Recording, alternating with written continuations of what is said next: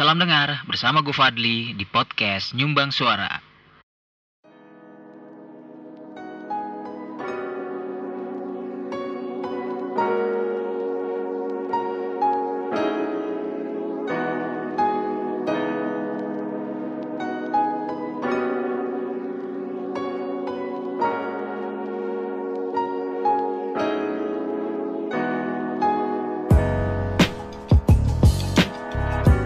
Halo teman-teman semua, apa kabar?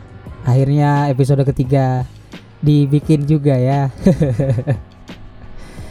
Waduh, udah lama nih sebenarnya gue pengen uh, upload episode ketiga, tapi nggak kejadian-kejadian ya karena skip lebaran, skip liburan apa segala macam. Padahal materi udah ada pada saat itu gitu. Akhirnya nggak kebikin-kebikin ya karena malas juga, bukan malas sih sebenarnya karena skip liburan jadi malas gitu.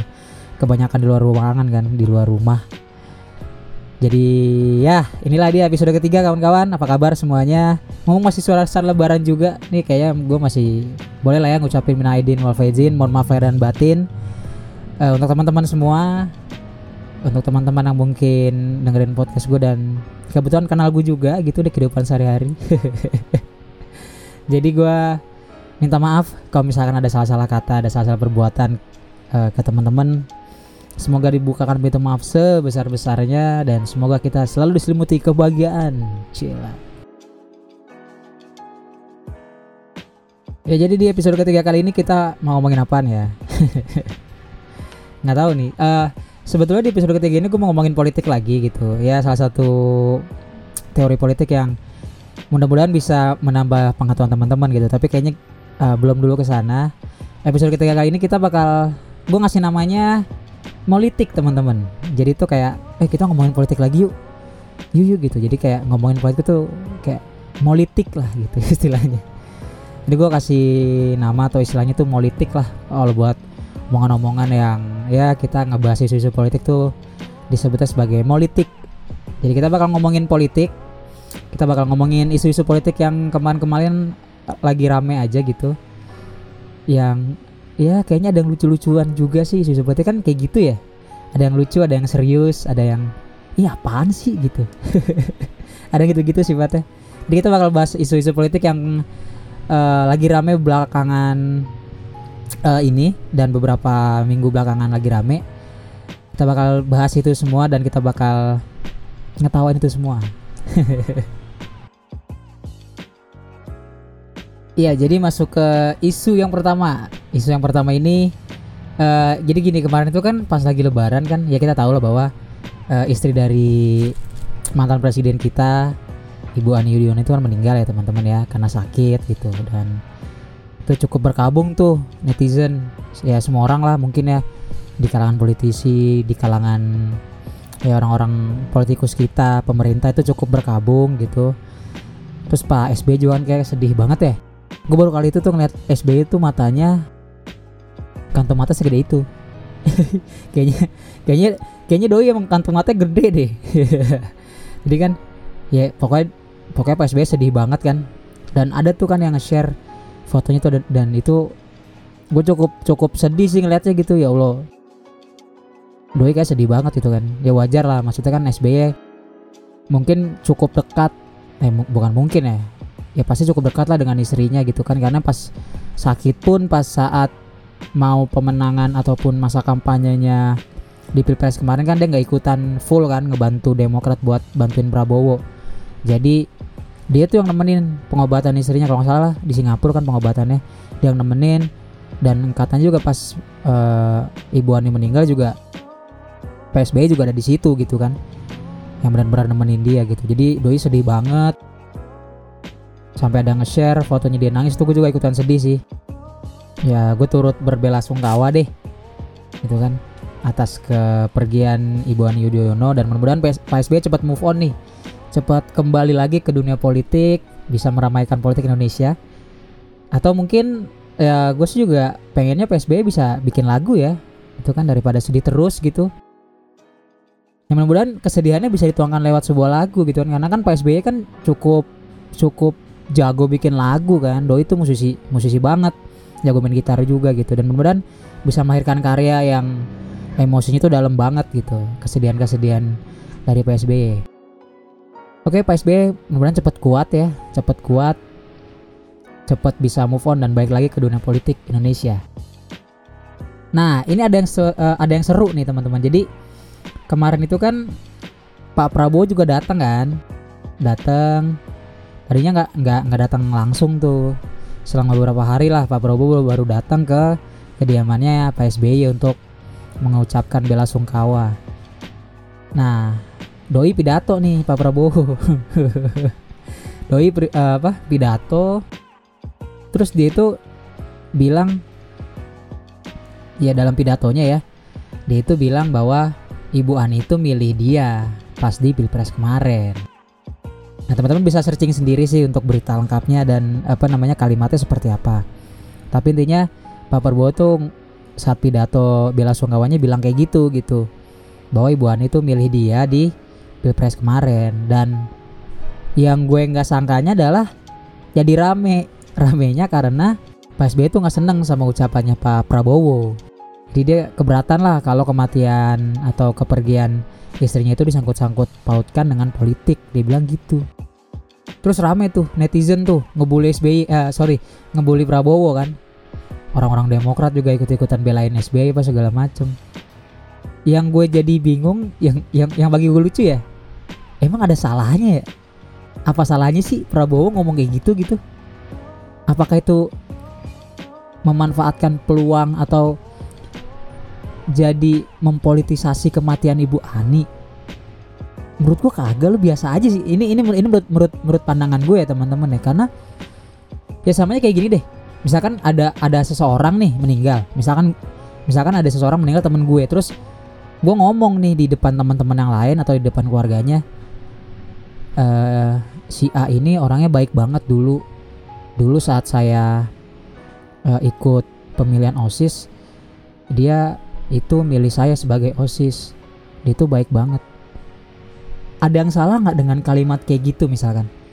Ya yang salah itu kan itu kan kayak ungkapan personalnya Prabowo ke Ibu Ani gitu loh. Kayak di- dia itu tuh orangnya baik banget dan dia itu dulu milih gue loh. Baik banget orangnya. Apakah yang di apa yang apakah kalimat kayak gitu yang disebut dengan politisasi? Menurut gue enggak sih. Itu biasa aja itu tuh ungkapan personalnya Pak Prabowo ya menurut gue nih teman-teman. Ya kan? Terus rame tuh kayak gitu kayak semuanya ngebully-bully Prabowo gitu ya. Ya terserah aja sih lu mau ngebully Prabowo juga bukan urusan gue kan. Cuma yang menurut gue itu tuh bukan bukan masalah gede gitu. Lu ngapain ngapain diberantemin sih? Demen banget berantem sih gitu maksud gue. Itu kan ucapan biasa ucapan personal seseorang Prabowo kepada Ibu Ani kan. Maksud gue ya ya udah lah pak. Itu kan kayak itu tuh dia tuh nggak nggak bermaksud apa-apa. Kalau menurut gue ya Pak Prabowo itu tuh ya orang yang kayak gitu aja dia dia, dia ngucapinnya ya udah gitu aja gitu. Kenapa harus dirame-ramein? Dan dan pada akhirnya kan bazar-bazarnya Demokrat bazar-bazarnya Prabowo tuh jadi saling serang. Sampai sekarang kan pada akhirnya Demokrat sendiri tuh kayak ya tahu sendiri lah Demokrat kan salah satu partai yang cukup dikenal main aman ya. Dia tuh berdiri di dua kaki sebutan orang-orang tuh kayak gitu. Nah sekarang kan dia juga seolah-olah udah udah mau nyebrang nih ke kubunya Jokowi gitu kan jadi tuh makin-makin berantem tuh sampai sekarang. Lucu aja sih menurut gue gitu ya Allah. Orang orang ngomong biasa doang gitu kenapa harus dipermasalahin? Oke, nah ini untuk eh, berita politik ya, berita yang lagi rame kedua nih di lini masa, terutama di Twitter ya. Karena gue nyari berita politik tuh rata-rata di Twitter sih, terus ngeliat yang lagi-lagi rame, yang lagi trending tuh apaan, itu biasa di Twitter teman-teman. Kalau misalkan teman-teman ada yang main Twitter juga, eh, ya kita bisa mutualan lah.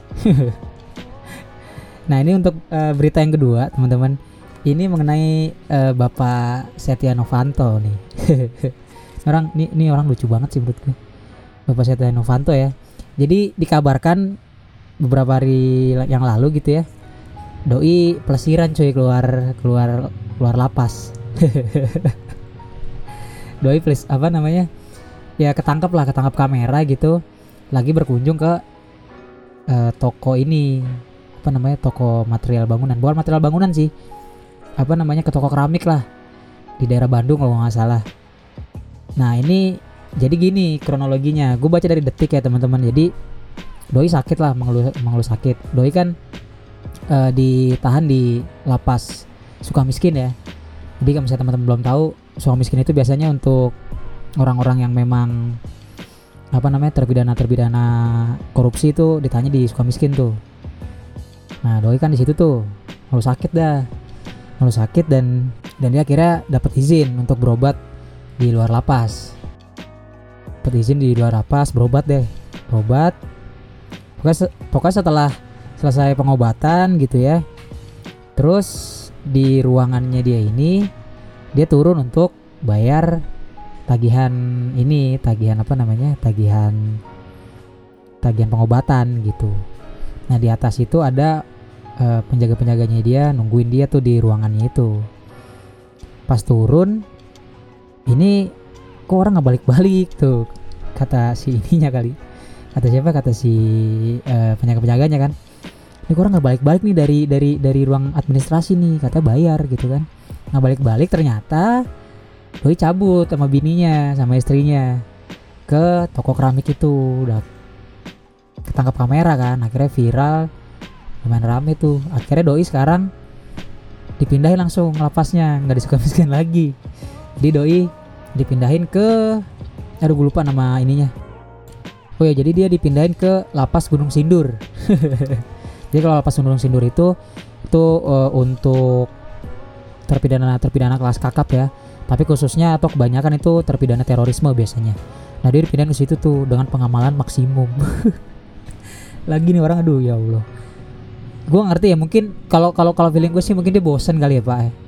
karena kan ya bagaimanapun lu di penjara mungkin yang latih itu, itu apa pemandangan itu itu aja gitu kan. Terus kayak nggak bisa ngapa-ngapain. Mungkin ya di penjara dia seperti itu gitu. Ya udah akhirnya pas ada kesempatan buat cabut ya dia cabut. Ya mungkin dia bosen gitu kasihan juga sih. Ya tapi kalau sama koruptor kasihan boleh nggak ya? Gue nggak nggak tahu deh. Males juga gitu mau kasihan sama koruptor. Intinya mungkin doi bosen mau jalan-jalan bentar. Ya kalau saran gue sih jangan sampai benjol lagi pak itu pala.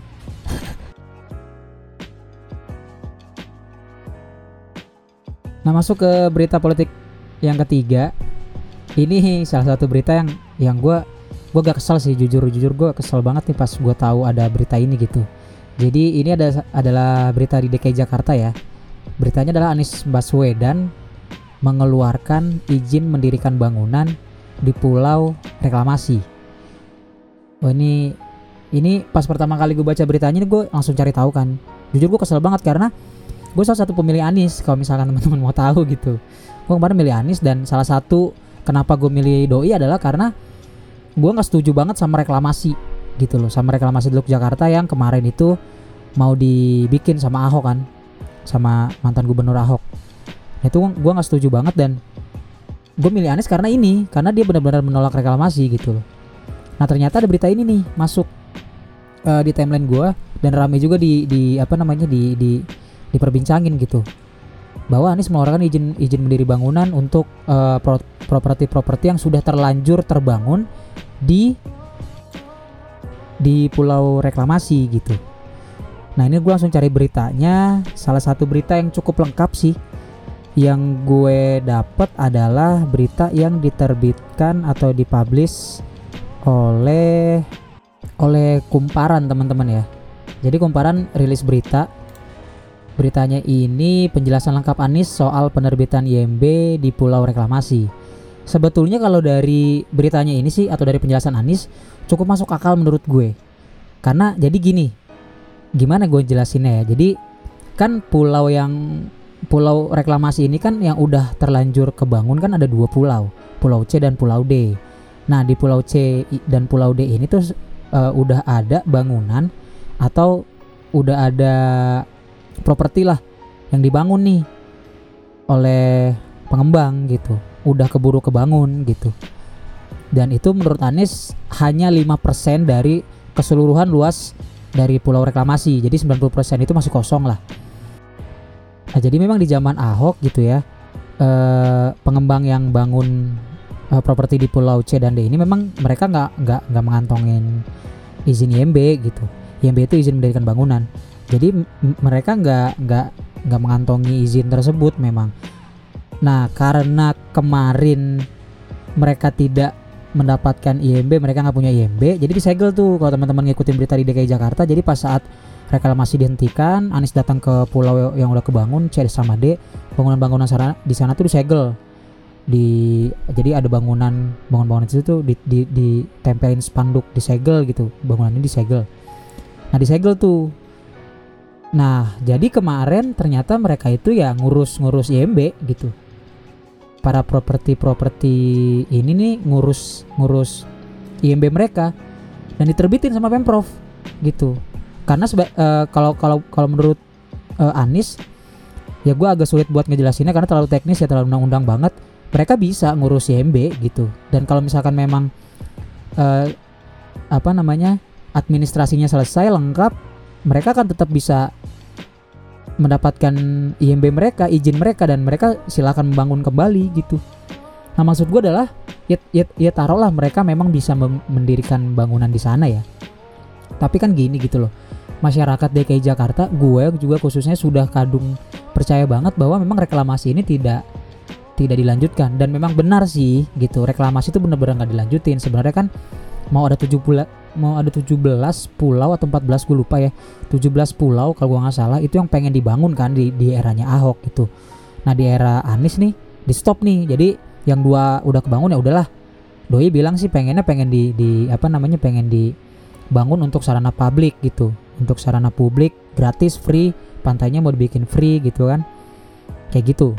Jadi yang yang pulau dua ini pengen dimanfaatkan untuk kesejahteraan warga DKI Jakarta Nah cuma kan gini loh, ini kan ada properti yang udah kebangun.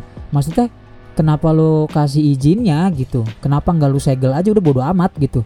Karena kan mereka ini membangun uh, properti di atas sebuah pulau yang bermasalah gitu. Kenapa lu hanya melihat izin bangunannya saja, tapi lu nggak ngelihat mereka tuh mendirikan bangunannya di mana gitu? Pulau reklamasi itu kan bermasalah gitu maksud gue kalau nggak bermasalah ya lu bakal ngelanjutin dong ya kan? Bakal tetap ada pulau lain yang bakal dibangun dong. Karena bermasalah ya lu nggak nggak nerusin reklamasi lu nggak bangun pulau lagi. Nah bangunan-bangunan yang di sana harusnya juga ya lu stop lah pembangunannya. Ngapa lu kasih izin mendirikan bangunan gitu loh? Itu gue agak kecewa sih. Maksudnya gue ya elah pak gue milih lu tuh karena ini kemarin gitu tapi kenapa lu malah ngasih secara nggak langsung ya lu malah mengizinkan orang-orang ini membangun uh, properti di atas tanah yang bermasalah gitu. Gue pertama kecewa, marah dan kesel banget gue pas tahu berita ini. Sebetulnya ya kalau misalkan teman-teman baca kumparan uh, di sana penjelasan Anies cukup cukup ini sih cukup cukup apa ya cukup logis. Cuma gue masih ganjel banget gitu kenapa mereka tetap mendapatkan izin mendirikan bangunan di atas wilayah yang memang bermasalah gitu.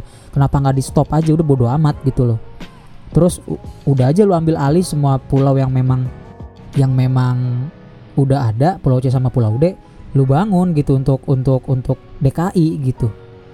Jadi nggak ada swasta di sana nggak ada yang bisa ngambil keuntungan di sana gitu. Maksud gue kenapa nggak kayak gitu sih gitu. Nah gue sih berharap banget ada open discuss nih buat buat buat masalah ini ya. Karena ini kan banyak loh orang-orang yang kayak orang-orang lingkungan ya kayak misalkan orang-orang yang memang berkecimpung di dunia tata ruang e, kota gitu-gitu tuh milih Anies atau percaya sama Anies tuh ya karena salah satu yang bikin mereka milih tuh ya ini reklamasi gitu. Ya kan kalau misalkan lu malah melanggar ini ya menurut gue aduh sayang banget sayang banget gitu. Karena menurut gue sejauh ini Anies sudah cukup baik sih memimpin DKI Jakarta ya. Ya kan? Bagi para pendukung Ahok tentu tidak. Ya kan? Jadi ya come on lah. Ya bikin bikin diskusi lah menurut gue sengganya gitu. Lu jelasin lagi secara detail. Walaupun memang bener sih maksudnya uh, properti ini cuma ada cuma cuma saya sekitar 5% lah dari 100% uh, eh, luas wilayah gitu masih ada 95% yang bisa dimanfaatin untuk publik. Cuman menurut gue udah ma udah masih cut aja semuanya gitu. Udah lu hantam aja 100% untuk Jakarta gitu. Ngapain mesti ada properti-properti swasta yang ada di sana gitu. Ah